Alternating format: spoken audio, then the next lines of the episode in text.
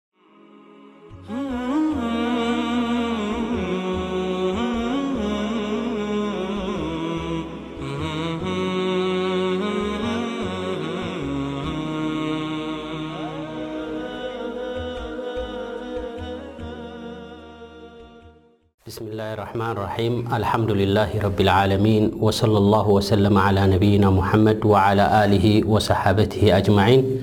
ክቡራት ኣሕዋተይን ኣሓተይን ኣሰላሙ ዓለይኩም ወራሕመቱላሂ ወበረካቱህ እንሆ ኣልሓምዱሊላህ ብተውፊቅ ናይ ረቢ ሱብሓነሁ ወተዓላ እቲ ኣስተምህሮ ንነዊሕ ግዝያት ጀሚርናዮ ዘለና ጉዳይ ናይ ተውሒድ ዝምልከት ኣልኡሱለ ሰላሳ ኣብኡ እናተንተና ንኸይድ ኣለና ምኽንያቱ እዚ ጉዳይ እዚ ኣገዳሲ ንኹሉ ንዓቢ ንንእሽተይ ንሙሁር ንዘይሙሁር ክንዘኻኸረሉ ዘለና ጉዳይ እዩ እዚ ንዛረበሉ ዘለና ኣልኡሱለ ሰላሳ ኣብ ቀብርኻ ምስ ኣተኻ ትሕተተሉ ብመላኢካ ስለዝኾነ ብዛዕብኡ እንተ ዕሙቕ ዝበለ ፍልጠት ብፍላይ ኣልዩካ ኮይኑ ካብቲ ሰበብ ነቲ መልሲ ንክትምልስ ይሕግዘካ ማለት እዩ። እምበኣር እቲ ትሕዝቶ ሕጂ በጺሕናዮ ዘለና ማለት እቶም መላኢካ ክሓቱኻ ከለዉ መን እዩ ረቢ ካብሉኻ ከምኡ ድማ እንታይ እዩ ሃይማኖትካ ከምኡ ድማ መን እዩ ነቢ ናትካ ይብሉ ኢሎም እዮም ዝሓቱኻ ምኽንያቱ ዝኾነ ይኹን ህዝቢ ነቢ ዘይሓለፎም የለን ብዛዕባ ነቢ ሙሓመድ ሰለላሁ ዐለይሂ ወሰለም ትሕተት ምኽንያቱ ኣብዚ ክፍለ ዘመን ወይ ኣብዚ ግዜ እዚ ንሶም ዝተላእኩ ስለ ዝኾኑ ማለት እዩ። እቲ ብዛዕባ መን ነቢዩካ ዝብል ኣብቲ ድቅጽል ትሕዝቶታት ናይ ትምህርትና ክንርእዮ ኢና ማለት እዩ። እምበኣር ኣብታ እንታይ እዩ ዲንካ እትብል ወማ ዲኑክ እትብል ዲን ክበሃል ከሎ ሰለስተ መራትብ ሰለስተ ደረጃታት ከም ደለዎ ብዙሕ ግዜ ደጋጊምና ገሊጽናዮ። ማለት እስልምናን ኢማንን ኢሕሳንን እዩ ኢልና ማለት እዩ። እቲ እስልምናን ኢማንን ኢሕሳንን ድበልናዮ ንዑኡ ኣልሓምድሊላህ ብዝተኻኣለ መጠን ገሊጽና እታ ሳልሰይቲ ደረጃ ኣልመርተበቱ ኣሳሊሳ ኣልኢሕሳን እያ ማለት እዩ። ኢሕሳን ከ እንታይ እዩ ክንደይ ዓንድታት ኣለዎ እንተ ኢልና ወሁወ ሩኩን ዋሕድ እዩ። እዚ ኢሕሳን ክንብል ከለና ሓደ ሩኩን ኣለዎ። እንታይ እዩ እቲ ኢሕሳን ክበሃል ከሎኸ እንታይ ማለት እዩ እንተ ኢልና ኣን ተዕቡደ ላሃ ከኣነካ ተራሁ ፈኢን ለም ተኩን ተራሁ ፈኢነሁ የራክ ንኣላህ ስብሓን ወተዓላ ስኒ ልክዕ ከም ትሪኦ ዘለኻ ኮይንካ ዒባዳ ክትገብር ከለኻ ኣብ ዝኾነ ይኹን ኩነታትካ ኣስላማይ ኩሉ ወዲ ሰብ እውን ንዒባዳ እዩ ተኸሊቑ ስለዚ ኣብ ጉዕዞኻ ልክዕ ንረቢ ስብሓነሁ ወተዓላ ከም ትሪኦ ዘለኻ ኮይንካ ክትግዝኦን ከተምልኾን ማለት እዩ። ኣን ተዕቡደ ኣላሀ ከኣነካ ተራሁ ፈኢን ለም ተኩን ተራሁ ወላ እኮ እስኻ ተዘይረኣኻዮ ፈኢነሁ የራካ ካብ ኣላህ ስብሓነሁ ወተዓላ ዝሕባእ ዝኾነ ነገር ስለዘየሎ ኣላህ ስብሓነሁ ወተዓላ ይሪእየኒ ኣሎ ኢልካ ዒባዳ ክትገብር ከለኻ እዚ እዩ እቲ ኢሕሳን ዝበሃል ማለት እዩ። ነዚ ብዙሕ መርትዖታት ኣሎ እንሻ ኣላህ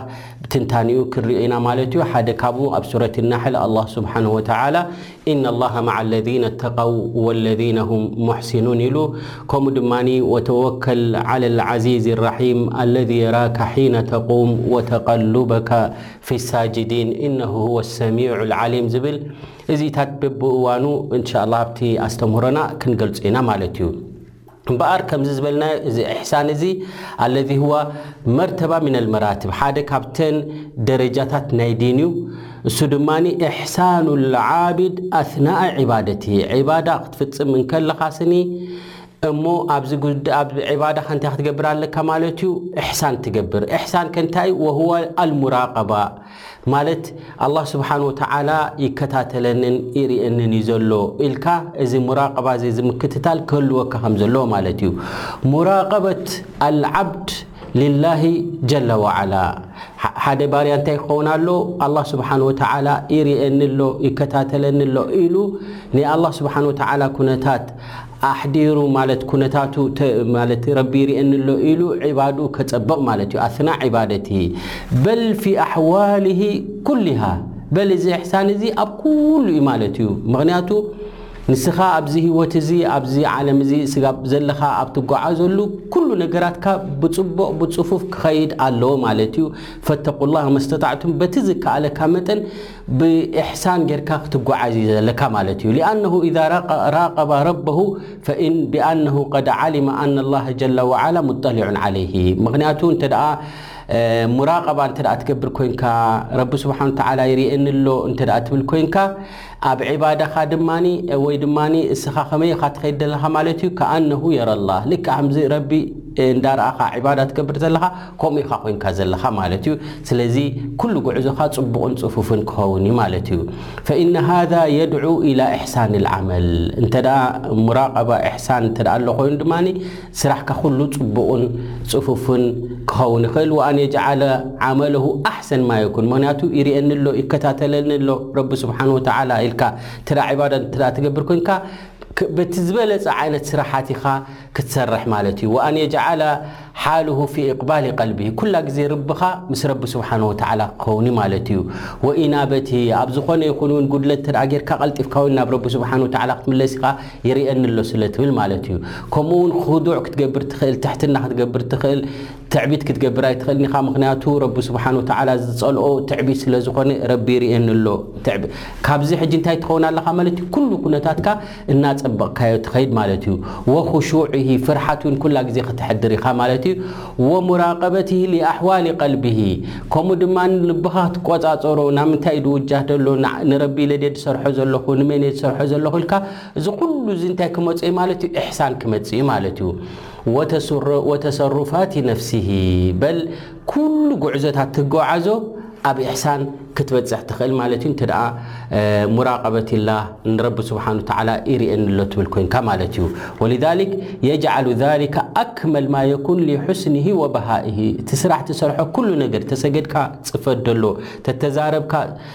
ተጠንቂቕካ ረቢ ስብሓን ወተዓላ ዘየቆጥዕ ከምኡ ድማ እቲ ሰራሕካ ኩሉ ተግባራትካ ድማ ሊላህ ኢልካ ትሰርሕ ማለት እዩ ምክንያቱ ኣብ እሕሳን ስለ ዘለካ ኣብ ሙራቀበት ሊላህ ስለ ዝኣትኻ ማለት እዩ ሊኣነሁ ያዕለም ኣነ ላህ ጀለ ወዓላ ሙጠሊዑን ዓለይህ ረቢ ይርየኒ ኣሎ ኣላ ስብሓን ወተዓላ ኩነታተይ ኩሉ ይፈልጦ እዩ ስለ ትብል እና ኣፀበቕካዮ ትኸይድ ማለት እዩ ኢዘን ሃዘ ልመቃም እዚ ንዛረቦ ዘለና መቃም ልሙራቀባ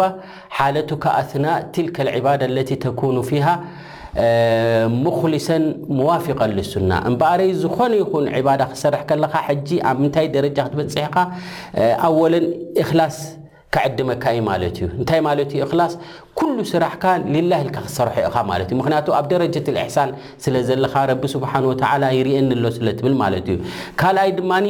መዋፊቀን ልሱና ነቲ ሱነት ነቢይ صለ ላሁ ለ ወሰለም ሒዘሞ ድመፁ ንዑ እውን ክትክተል ኢኻ ማለት እዩ በዚ ከዓኒ ሰዓዳ ትረክብ ማለት እዩ እንተ ኢክላስ ዘለዎ ስራሕ ከምኡ ድማ ብሸሪዓ ብመንገዲ ናይ ረሱል صለ ላሁ ለ ወሰለም እተ ተጓዒዝካ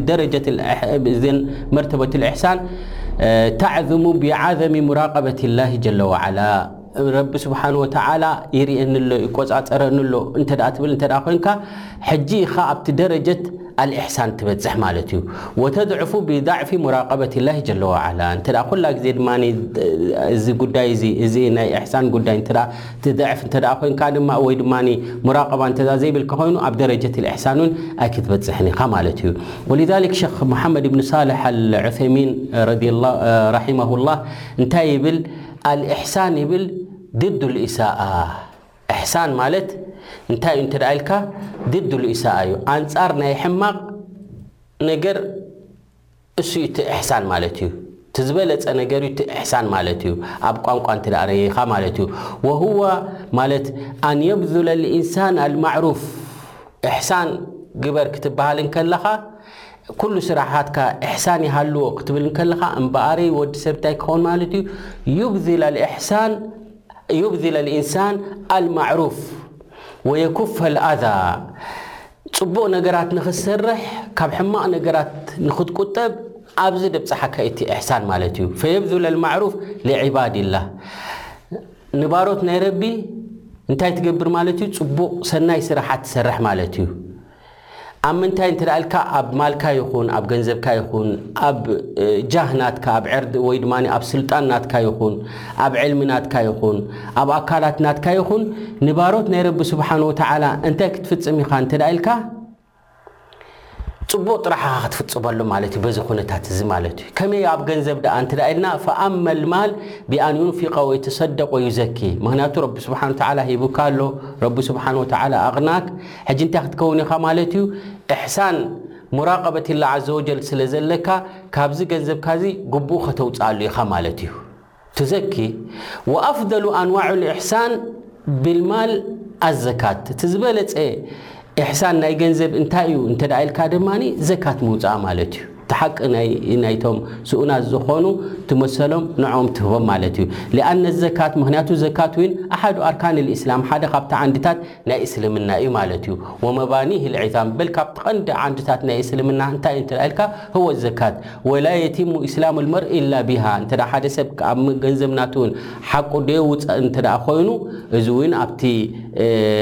እስላም ናቱ ጉድለት ተረኺብዎ ኣሎ ማለት እዩ። በል እስልምንኡ ሙሉእ ኣይከውንን እዩ ማለት እዩ። ወህየ ኣሓቡ ነፈቃት ኢለላሂ ዓዘ ወጀል እቲ ዝበለፀ ናብ ረቢ ስብሓነ ወተዓላ ፍትው ስራሕ ኣብ ማልካ እንታይ እንተ ተባሂሉ ህወ ዘካት ማለት እዩ። ደሓር እቲ ዘካት ኣብ ሸርዒ ዝተወሰነ እዩ። ክንደይ እንተ ፀኒሑ ክንደይ እንተ በፂሑ ግቡኦም ንመን እዩ ዝኸውን ኢልካ ኣብ ሸርዒ ዝተኸፋፈለ ኣሎ እዚ ግቡእ ከተውጽኣሉ ከለኻ ሃ- ሃዛ ሚነል ኢሕሳን ማለት እዩ ካብኡ ሓሊፍካ እውን ኩሉ ነገራት ኢንፋቅ ትገብሮ ካብቲ ተዋሂቡካ ዘሎ ኒዕማ ረቢ ስብሓን ወተዓላ ን- ንስድራኻ ይኹን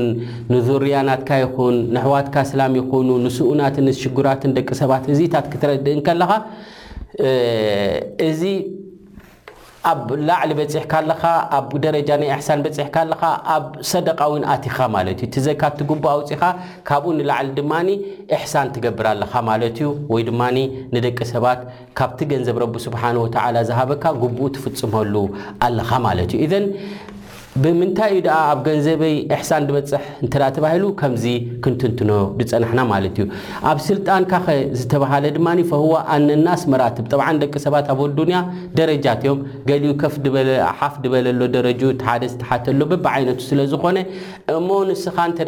ረቢ ስብሓን ወተዓላ ኣክሪሙካ ጃህ ደለካ እንተ ኮንካ ስልጣን ዘለካ እንተ ኮንካ ኣብዚ ተዋሂቡካ ዘሎ ኣብዚ ረቢ ስብሓን ወተዓላ ሂቡካ ዘሎ ኒዕማ እንታይ ክትከውን ኣለካ ማለት እዩ ንደቂ ሰባት ሓጋዚ ክትከውን ኣለካ ማለት እዩ ንዝተዓመፁ ዓመፆም ንክምለሰሎም ክትፅዕር ኣለካ ማለት እዩ ወሊዛሊክ እዚ እዩ ሸፈዓ ዝበሃል ማለት እዩ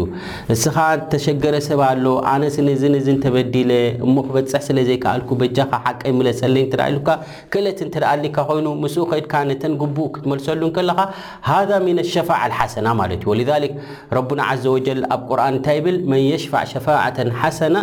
የኩን ለሁ ነሲቡን ሚንሃ እንተ ጽቡቕ ውሕስነት ጽቡቕ ሸፋዓ እንተ ጌርካ ኣላ ስብሓን ወተዓላ ናትካ ኣጅርኻ እውን ይህበካ ማለት እዩ ወመን የሽፋዕ ሸፋዓተን ሰይኣ ብኣንጻሩ ድማ ብስልጣንካ ተጠቂምካ ዲኻ በቲ ረቢ ስብሓን ወተዓላ ኣክሪሙካ ዶ ኣሎ? ንዕኡ ብግቡእ ኣክንዲ ትጥቀመሉ ድማ ናብ ሕማቕ እንተ ደኣ ተጠቂምካሉ፣ ንደቂ ሰባት እንተ ደኣ ዓሚጽካሉ ድማ፣ እዚ ድማ ወመን የሽፋዕ ሸፋዐተን ሰይኣ የኩን ለሁ ክፍሉን ሚንሃ ወካነ ኣላሁ ዓላ ኩሊ ሸይኢን ሙቒታ። ኢዘን እንታይ እዩ ክኸውን ደለዎ ማለት እዩ? በቲ ስልጣንካ ድማ ኢሕሳን ክትገብር ኣለካ ማለት እዩ። ወሊዛሊከ ነቢ ዓለይሂ ሰላቱ ወሰላም ኣብ ሓዲስ ኣስሰሒሕ እንታይ ኢሎም? ኢሽፈዑ ኣይ ፊል ኸይር ንኸር ነገር ያዕኒ ተወሰጡ፣ እሽፋዑ፣ ሸፋዓ ግበሩ ኢኹም፣ ተወሓሱ ኢኹም ኢሎም። ትኡጀሩ ወየቕዲ ኣላሁ ዓላ ሊሳኒ ነቢይሂ ማ ሻእ። ኢዘን ንጽቡቕ ነገራት ብስልጣንካ ተጠቂምካ ናብ ጽቡቕ ክትመርሕ እንከለኻ፣ ንዝተዓመጹ ክትመልሰሎም እንከለኻ፣ ነቲ በዓል ሕማቕ ዓገብ ክትብል ከለኻ፣ ነቲ በዓል ጽቡቕ ጽቡቕ ኢልካ ከተተባብዕ ከለኻ፣ ሃዛ ሚነል ኢሕሳን ማለት እዩ። ኢዘን እዚ ሓደ ካብቲ ኣንዋዕ ናይ ኢሕሳን እዩ ማለት እዩ። ወሊዛሊክ ነሕዋትካ እንታይ ትገብር ማለት እዩ ወይ ንደቂ ሰባት ወይ ኣብ ከባቢኻ ደለዉ ንኹሉ ኢሕሳን ክትፍጽም ኣለካ ማለት እዩ። በቲ ረቢ ስብሓን ወተዓላ ክእለት ሂቡካ ዘሎ ማለት እዩ። ወላ እውን እንተደይብልካ ሓደ እንተ ክእለት ዘይብለይ ተኾይነኸ ኣብዚ ደረጃ እዚ ብምንታይ ይበጽሖ እንተ ኢልካ ብዱዓ እውን እንተ ሓደ ተጸገመን ተሸገረን ኣሎ ኮይኑ እንተ ዱዓ ጌርካሉ እውን እዚ እውን ሓደ ካብቲ እሕሳን እዩ ማለት እዩ ወሊዛሊከ ነቢ ዓለይሂ ሰላቱ ወሰላም እንታይ ኢሎም መን ደዓ ሊኣኺሂ ኣልሙስሊም ብዛህሪ ልቀይብ ንሓደ ሓዉ ኣስላማይ ስኒ ብዛህሪ ልቀይብ ንሱ ከይፈለጠ ከሎ ንስኻ ዱዓ ክትገብረሉ እንከለኻ ንዕኡ ረቢ ስብሓን ተዓላ ክውፍቆ ካብ ተሸጊርዎ ደሎ ጸገማት ረቢ ከውጽኦ ኢልካ ዱዓ ክትገብረሉ ከለኻ ስኒ እንታይ ኢሎም ኣነቢ ዓለይሂ ሰላቱ ወሰላም እስቱጂባ ለሁ ኣወለን ዱዓ ናትካ ረቢ ስብሓን ወተዓላ ተቐባልነት ይገብረሉ ማለት እዩ ካልኣይ ድማ መላኢካ ኣሎ ወለካ ሚስሉ ዛሊክ ኢሉ ድማ ዱዓ ይገብረልካ እዚ ኣብ ሪዋየት ሙስሊም ዘሎ ሓዲት ማለት እዩ እቶም መላኢካ መላኢካ ድማ እንታይ ይብል ማለት እዩ ከምዚ ንስኻ ጽቡቅ እትምነየሉን ሕማቅ ረኪብዎ ደሎ ካብ ሕማቅ ኣልቅቆ ኢልካ እቲ ንረቢ ስብሓን ወተዓላ ትልምነሉ ዘለካ ረቢ ድማ ከምቲ ንስካ ጽቡቅ እትምነየሉ ዘለካ ንዓካ ይሃብካ እንዳበለ ድማ መላኢካ ዊን ዱዓ ይገብሩልካ ማለት እዩ እዘን እዚ እዩ እቲ ኣንዋዕ ናይ ኢሕሳን ኢሕሳን ክንብሎ ከለና ብጣዕሚ ሰፊሕ እዩ ኣብ ኩሉ ኩነታት እዩ ዝኣቱ በል ኣብ ፍልጠትካ ዊን ረቢ ስብሓን ወተዓላ እንተ ፍልጠት ሂቡካ ዕልሚ እንተ ሂቡካ ዊን ኣብዚ ዊን ኢሕሳን ክትገብር ኣለካ ከመይ እንተ ኢልካ ብኣን የብዙላ ዒልሙሁ ሊዕባዲላህ እቲ ረቢ ስብሓን ወተዓላ ሂቡካ ደሎ ፍልጠት ንሕዋትካ ኣካፍሎም ኢኻ ማለት እዩ ታዕሊመን ፊ ልሓለቃት ወልመጃሊስ ልዓማ ወልኻሳ ኣብ ዝኾነ ይኹን ሰባት ኣብ ዝተኣከቡሉ ብውልቂ ይኹን ብሓፈሻ ይኹን ናብ ፅቡቕ ነገራት ዓድም ኢኻ ንፅቡቕ ነገራት ምራሕ ኢኻ ማለት እዩ ሓታ ኣብ ዝኾነ ይኹን ቦታ ከድካ ዳዕዋ ክትገብር ናብ ጽቡቕ ነገራት ክትመርሕ እዚ ካብቲ ፍቱው ዝኾነ እዩ ይብል ሓደ ካብኡ ሸኽ መሓመድ እብኒ ዑሰይሚን ብዝያዳ ነዚ ጉዳይ እዚ ይትንትንዎ ወላ እውን ኣብ ቦታ እንዳ ሻሂ እውን እንተኾነ ንጽቡቕ ሕማቕ ዝገብር እንተ ሪኻ እዚ ጌጋ እዩ ክትብል ንጽቡቕ ድማ ንጽቡቕ ንክትብል እዚ ሓደ ካብቲ ኢሕሳን እዩ ማለት እዩ ላኪን ኩላ ግዜ ኣብ ዳዕዋ ኣብ ትገብረሉ እንታይ የድሊ እንተ ተባሂሉ ሕክማ የድልዮ ማለት እዩ ማለት ህዉኽ ክትከዉን የብልካን ንደቂ ሰባት ኣብ ርእሲኦም ልዕልና ከተርኢ የብልካን እንታይ ደኣኒ ንደቂ ሰባት ኩላ ግዜ ራሕማ ክህልወካ ርህራሄ ክህልወካ እዩ ዘለዎ ማለት እዩ ከምኡ ውን ሓታ ብ ኣካልካ ከይተረፈ ውን ኣብ ኢሕሳን ክትገብር ትኽእል ኢኻ ከመይ እንተ ኢልካ ፈቀድ ቃለ ነቢዩ ሰለላሁ ዐለይሂ ወሰለም ወቱዒኑ ረጁሉ ፊ ዳበቲሂ ፈተሕሚሉሁ ዐለይሃ ኣው ተርፋዕ ዓለይሃ መታዕሁ ሰደቃ ኢሎም ሓደ ዝተሸገረ ሰብ እንተ ሪእኻዮም መንገዲ መጺኻ ክትሕግዞ እንከለኻ ዝለዓል ነገር ድዩ ወይ ዝኸበዶ ነገር ድዩ ምጽ ኢልካ ክትሕግዞ እንከለኻ እዚ ሰደቃ ኢሎም ኣነቢ ዓለይ ሰላት ወሰላም ወይ ድማ ኣብ መንገዲ ዝኾነ ነገራት ንደቂ ሰባት ዝጎድእ ርኢኻ እዚኣስ ንደቂ ሰባት ክትጎድእ ትኽእል እያ ኢልካ ነታ ሕማቕ ነገር እንተ ኣሊኻያ ካብ መንገዲ እውን እዚ እውን ኣብ ምንታይ የብጽሓካ ማለት እዩ ደረጀትል ኢሕሳን የብጽሓካ ማለት እዩ። ወሊዛሊክ እቲ እስልምና ማለት እዩ መራትብ ኣለዎ ኢልና ወይ ድማ ዲን ኣልእስላም መራትብ ኣለዎ ኢልና እስላም ኣልእስላም ወልኢማን ወልኢሕሳን ማለት እዩ። እዚ ኢሕሳን እዚ ትድራዕ ኣለ ደረጃ እዩ። ምክንያቱ ሙራቀበት ላሂ ዓዘ ወጀል ስለ ትገብር ማለት እዩ። ረቢ ስብሓን ወተዓላ ይርእየኒ ኣሎ ኢልካ ናብ ያኒ ልክዕ ከም ትሪኦ ዘለካ ዒባዳ ትገብር ወላ እኮ ካብዚ ደረጃ እውን እንተጎደልካ እውን ረቢ ስብሓን ወተዓላ ይርእየኒ ኣሎ ኢልካ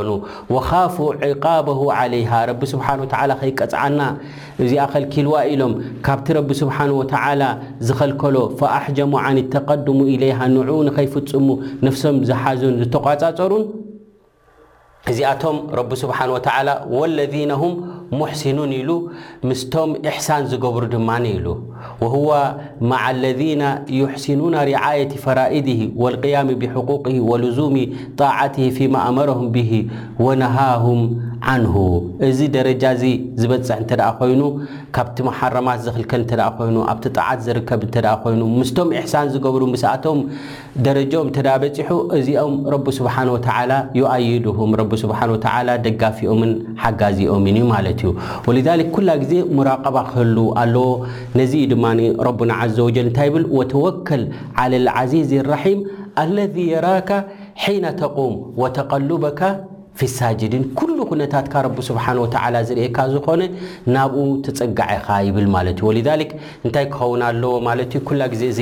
ደረጀትል ኢሕሳን እቲ ዝለዓለ ስለ ዝኾነ ናብኡ ንኽትበጽሕ ክትጽዕር ኣለካ ማለት እዩ። ጻዕሩ ድማ እንታይ እዩ ኩላ ግዜ ዒባዳ ኣብ ትገብረሉ ኣብ ትጓዓዘሉ ስኒ ረቢ ስብሓን ወተዓላ ይርእየኒ ኣሎ ክትብል ማለት እዩ። ወይ ድማ ረቢ ሱ ልክዕ ንረቢ ስብሓን ወተዓላ ከም ትሪኦ ዘለኻ